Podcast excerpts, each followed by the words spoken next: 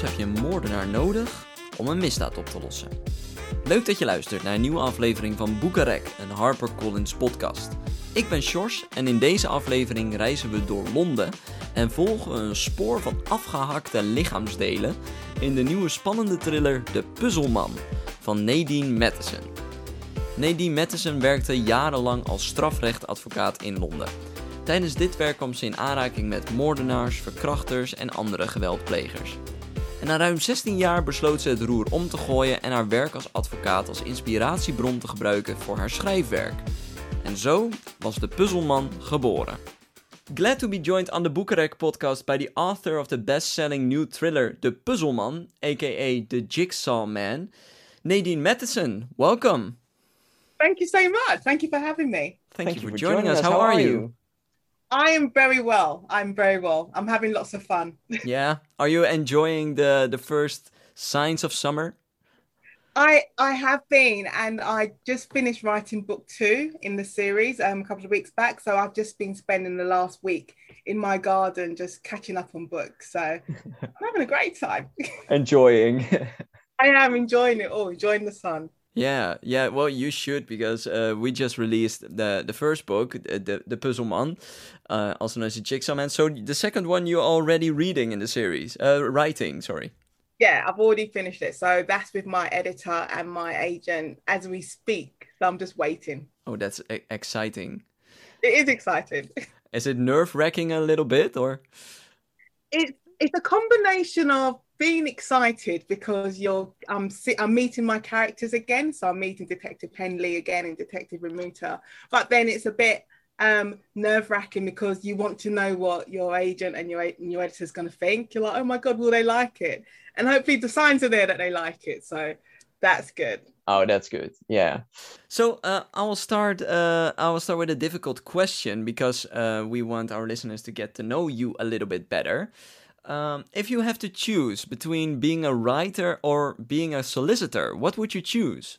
Oh, that's a hard question. I think right now I would definitely choose being a writer because because the thing is I can always go back to that legal world in my book. So right now I would definitely choose being um being a writer. But there are times when I do miss being a solicitor, especially when when I when I'm writing um, court scenes. Like there's a couple of court scenes in book two. And when I was writing those, I was like, oh, I miss it. I miss being in court. I miss cross-examining people. But for the moment, for the for the moment, it's yeah, definitely writer's my number one choice. And what is more, uh, more more like uh, relaxing to do? Is that being being a writer or being a solicitor? You know what's funny? I think being a solicitor is more relaxing. Okay. Being a writer is stressful.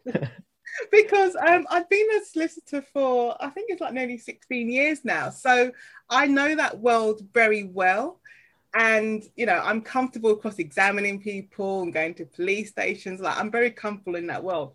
Whereas the writing world, it's been new, it's a new thing to get to learn. So I'm still, you know, finding my way around and navigating my way around and write as well. So in a very strange way, being a lawyer is like easy I can be a solicitor like any day of the week. and you know what to expect. yeah, exactly. I know I know what to expect. I know what the judges are like. You know, even though clients are different, I know what the clients are like and what they expect from me. And I know how and I know what jurors expect when they're watching a trial. So I'm kind of used to all of that. Okay, it's just to uh, give some explanation. Uh, can you can you tell me what you did as a criminal solicitor? Yeah, I specialize in criminal defense um, law. So I represented clients at the police station, I represented them in their trials, and I also I teach at a law school. So I teach criminal law um, also. So that has been my life. I said my professional life for it's probably more than 16 years actually um, when I think about it. So if you ever watch British TV shows and British legal shows and you see the lawyers there with their wig and their gown, that would have been me. Okay. running around all over London with my wig and gown. are, are, are those TV shows accurate then? No. Okay. I always wonder. yeah, well, sometimes they are, but then there's always like little moments that anyone else wouldn't pick up on. But if you're a solicitor, you will pick up on those little things. Like even in like a small thing like having the correct book, the legal book that the solicitors use. I've seen them use the wrong one in court, and I'm like, that's not right. That's not correct. All the all the lawyers in the in the show are wearing the wrong um, a different gown because different um I'll say seniority of lawyers they wear different gowns, and so sometimes they're wearing the wrong one. I'm like, you've got that wrong. You've got that completely wrong. Oh, whoa! That, those are for some very simple things to fix, but they, that's where the mistakes are being made. Yeah, they're really simple to fix, and you just think all it need, all it needs to do is like take one phone call and it will be sorted. But they kind of just overlook it, and you're like, no, no. But I just try to ignore it. yeah. or maybe they just copy it from uh, another TV show, and then when that one is wrong, they will also have it wrong. Yeah, I think that's probably what they've done. I think they probably watched three or four different shows and thought, oh well, they've done that, so it must be right, and no yeah. one's ever up on it. and most most of the viewers won't see the difference. So, yeah. And what what kind of cases uh, did you take on as a solicitor? Oh God, all different types. Um, I did murder cases. Um, I mean, the Jigsaw Man involves a serial killer, but I never represented any serial killers. I would have liked to, which sounds a bit strange, but I never represented a serial killer. But I did work on murder cases. Um, a lot of fraud cases I did, and then your normal, I call like your assaults where you have a fight in a bar. There was a lot of those, um, especially when I was when I was like I call a baby um, solicitor. I did a lot of I did a lot of fights in in bars, um, and also like normal sexual offences and things like that. So I covered a very large spectrum of offences. Yeah, I can imagine you get some. Yeah, you get to learn some pretty gruesome facts about people or about things that happened. Yeah, definitely, because um, obviously it's not just about the law when you're when you're representing a client and you're given the, the prosecution case especially if like of a murder case or an assault case, you have to look at crime scene um, photographs and also videos and things like that. So you learn a lot about what people, not not what people do to even commit a crime, but also the ways in which they will try and cover up a crime. Also, yeah that's also an interesting thing to learn. And then also with um, clients, I've always said you can have 20 people charged with the same offence, but every person's case will be completely different. And that's what I've always found fascinating about working in criminal law. So I said I could have 10 people charged with murder, but everybody's case will be completely different. Yeah. Well, I always wanted to ask this question uh, to a solicitor, so I, I will do that now. Uh, I, I mean, you, you must have had some clients that you knew were guilty of the crimes they committed, um, but you had to uh, defend them anyway. Um, and, were there any uh, cases that you felt uncomfortable representing? There was, I think, very, very early on when I just started, there were a couple of, um, I say, sex cases, and it did make me feel uncomfortable. But when you're defending someone, so everyone's entitled to be represented. So you have to put your personal feelings um, aside. I mean, it's easier if they were pleading guilty to something. Then you're yeah. like, okay, this is the right, this is this is fine. They're doing the right thing. But there were cases where they weren't going to plead guilty, but the prosecution evidence was so strong. But in this country, you you have a right to have the prosecution prove their case, so you don't have to say anything. So you're just testing what we call you're just testing the prosecution evidence. So I said there's been there's been a few times when I've just thought I don't I don't like this. If I was a normal person, I would walk away, but I can't walk away because that's my job and I have a I have a duty of care to to the client and also to the court. Yeah, and you're always not guilty until proven differently. Exactly, everyone's innocent until proven guilty, and yeah some, I mean, sometimes I'll do a trial and I know they're guilty. Everyone knows they're guilty. And then the jury does, they return the right verdict. And you're like, thank God. But then sometimes um, the jury have returned not guilty verdict. And I've been shocked. Everyone in the courtroom's been shocked. But then I suppose if I can always put it down to like not being boastful, say that's my skills. I've done a good job. Yeah. Did you ever did you ever have a case that that you your client uh, lost because he was found uh, found guilty, but it was a little bit of celebration inside of you that you thought this is the right thing to happen. Yes, we'll keep that between us. Yes. Okay. yeah. Sorry. it, was, it was. It was like uh, I won't tell you what the case was, but it was. I I knew a guilty verdict would have been the right thing. That's not to say I would still do my best. I would always do my absolute best. But sometimes, if the evidence is really strong, there's nothing you can do against really strong no. evidence. And you just you just hope for the jury to return the right verdict. And maybe a little bit in, inside of me was saying, yes, you, that's a good that's a good thing. yeah. I mean, I mean that must be hard for you. I mean, you really have to stay in your role and and, and do your duty, but uh, that can maybe compromise how you feel inside. Yeah, I think I've always said um, if you're working in criminal law, especially if you're def- defending, also if you're prosecuting, I think you need to be able to compartmentalize yourself. So you need to be able to put your personal feelings into a box and basically lock it away and just focus on your professional duties. And I've always said if I wasn't able to do that, I don't think I would have lasted six months because I said I've worked on some really horrible cases with people, you know, you wouldn't invite into your home. like you no. just wouldn't. But and I said if I wasn't able to compartmentalize, I don't think I would have lasted six months in no. the job. I'm able to. I said I'm able to do that. I've been able to do that for um said yeah for 16 years. But it can be. There's been lo- there's been loads of solicitors I know who have left early on because it's a lot to take on. Yeah, I can imagine you you you have to really distance yourself if you're not to take uh, your case home with you. Yeah, definitely. I said that's why I always say I watch really bad TV, like really bad reality television. So yeah. to remove myself away completely from the day job because the day job can be very very dark, especially if you're if you're um, working, which I've worked on like really horrible sex offences cases or a murder I mean, those can take you to some very dark places. So you have to be able to remove yourself um, emotionally and mentally away away from them cases in order to get on with your own life. Yeah.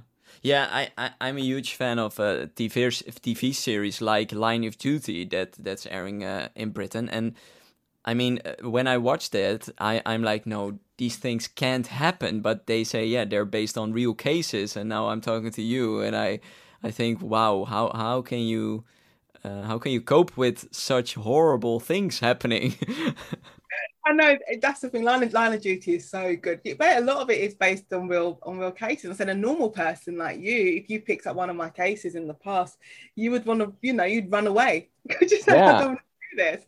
But I said you just have to be able to. I said put your emotions and your, I said your mental um, attachment, just stick, pull it away pull it away yeah. in a box and just focus on the job. Because if you didn't, you wouldn't be doing the right thing by your client if you wasn't able to keep your emotions detached. No, no, I can understand that. Yeah, and and you said before the the in the Jigsaw Man there is a a, a killer.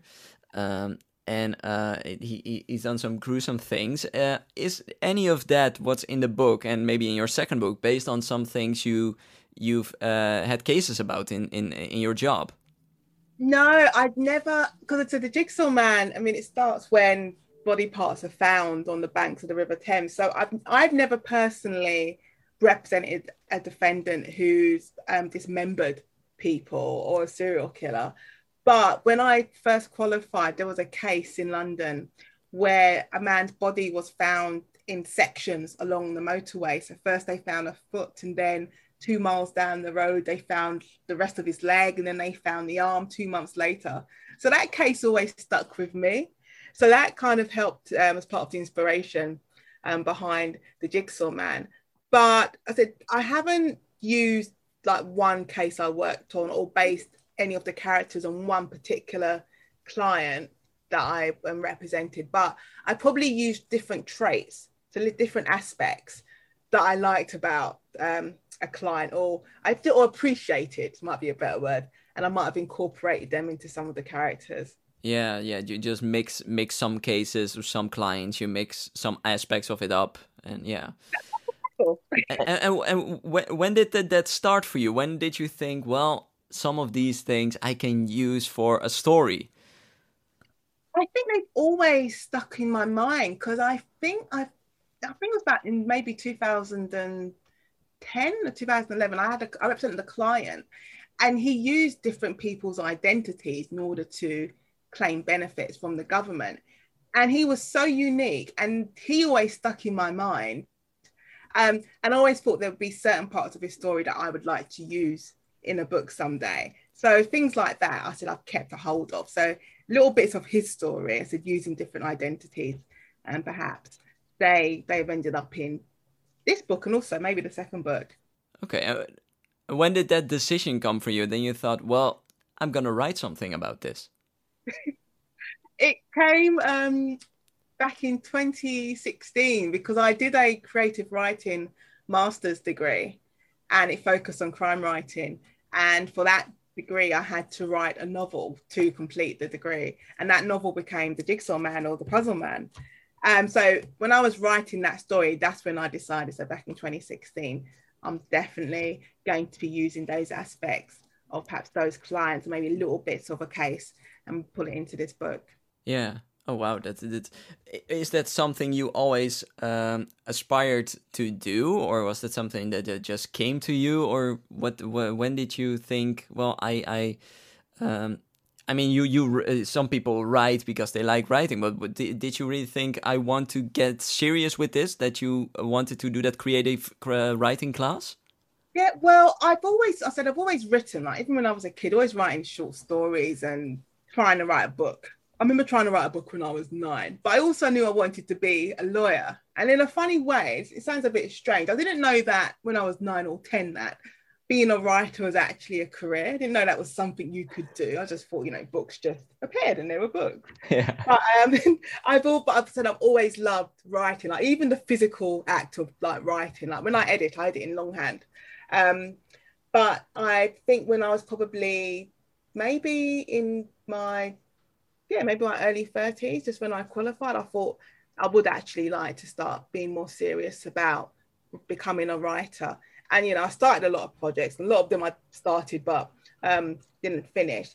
But the, the degree, I mean, that came by accident because I was I was basically off sick from work, recovering from an operation, and there was a competition on Twitter from City University, and it said, "Send us um, the first five thousand words of a crime novel, and you'd win two thousand pounds. And I thought it was cash, but it wasn't cash. It was um like a discount of their creative writing master. Oh. so I thought I was going to win money, but I didn't win money.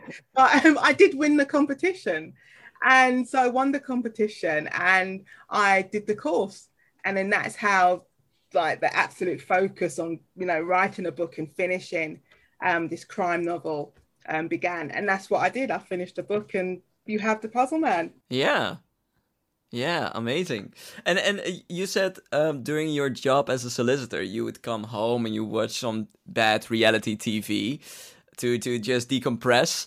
Um, are, are uh, what kind of books did you read? I mean, or did you did you read books like uh, The Puzzle Man, or did you read something lighter or feel good, or what did you read? I would read a com- it would be a combination. Um, I think if I was working on like a really like hard hitting case. Like I was working on a murder case for like two months, um, doing a trial, and I found I couldn't read any. I couldn't read crime fiction, so I did. I would read like romance comedies and um, sci-fi, so things that were completely distant. And I'm also a big comic book fan, so okay. I read a lot. Yes, yeah, so I read a lot of comic books as well. So those are the ways in which I am. Um, I decompress, but I'd always go back to crime fiction because I always felt like I was missing it when I was away from it for too long. And there's so many different types of, you know, crime fiction from your, said your police procedurals to your psychological thrillers. So the spectrum's so big that, you know, you're able to read in that area without being, I suppose, um, inundated with images of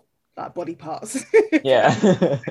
Well, there's one more question I want to ask you. You you said you just finished uh, finished the second book. So what's next? Um, well, I've just finished the second book. I'm going to be planning the third book in the series, so the DI Inspector Henley series.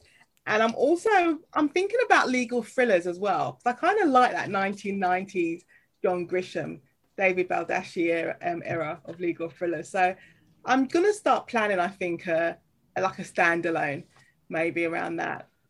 Oh wow! So a lot more to come. yeah, there's, there's, loads more to come. Maybe uh, maybe I'll get a job writing comics as well. oh. Please let me know if you have anything. Send it to me. I'm a huge comic book fan. Oh, I will. That's so good to hear. I love Yeah. hearing from. Well, Nadine Matheson, thank you. And uh, I urge everyone to go read uh, The Puzzle Man, uh, Jigsaw Man, however you want to call it, uh, and prepare for uh, part two then. Good. Thank you so much. I've had fun. Kun je ook niet wachten om samen met inspecteur Handy op jacht te gaan naar een seriemoordenaar? De Puzzelman van Nadine Matheson is vanaf nu overal verkrijgbaar. En dat was het weer voor deze aflevering van de Boekenrek podcast. Voor meer gesprekken vind je ons op Apple Podcast, Spotify en alle andere podcast apps. Ik hoor ook heel graag van jou als luisteraar wat je van onze podcast vindt en welke auteur je nog eens zou willen horen. Je kunt je suggesties sturen naar info@harpercollins.nl. Bedankt voor het luisteren, blijf gezond en blijf vooral lekker lezen. Tot de volgende keer.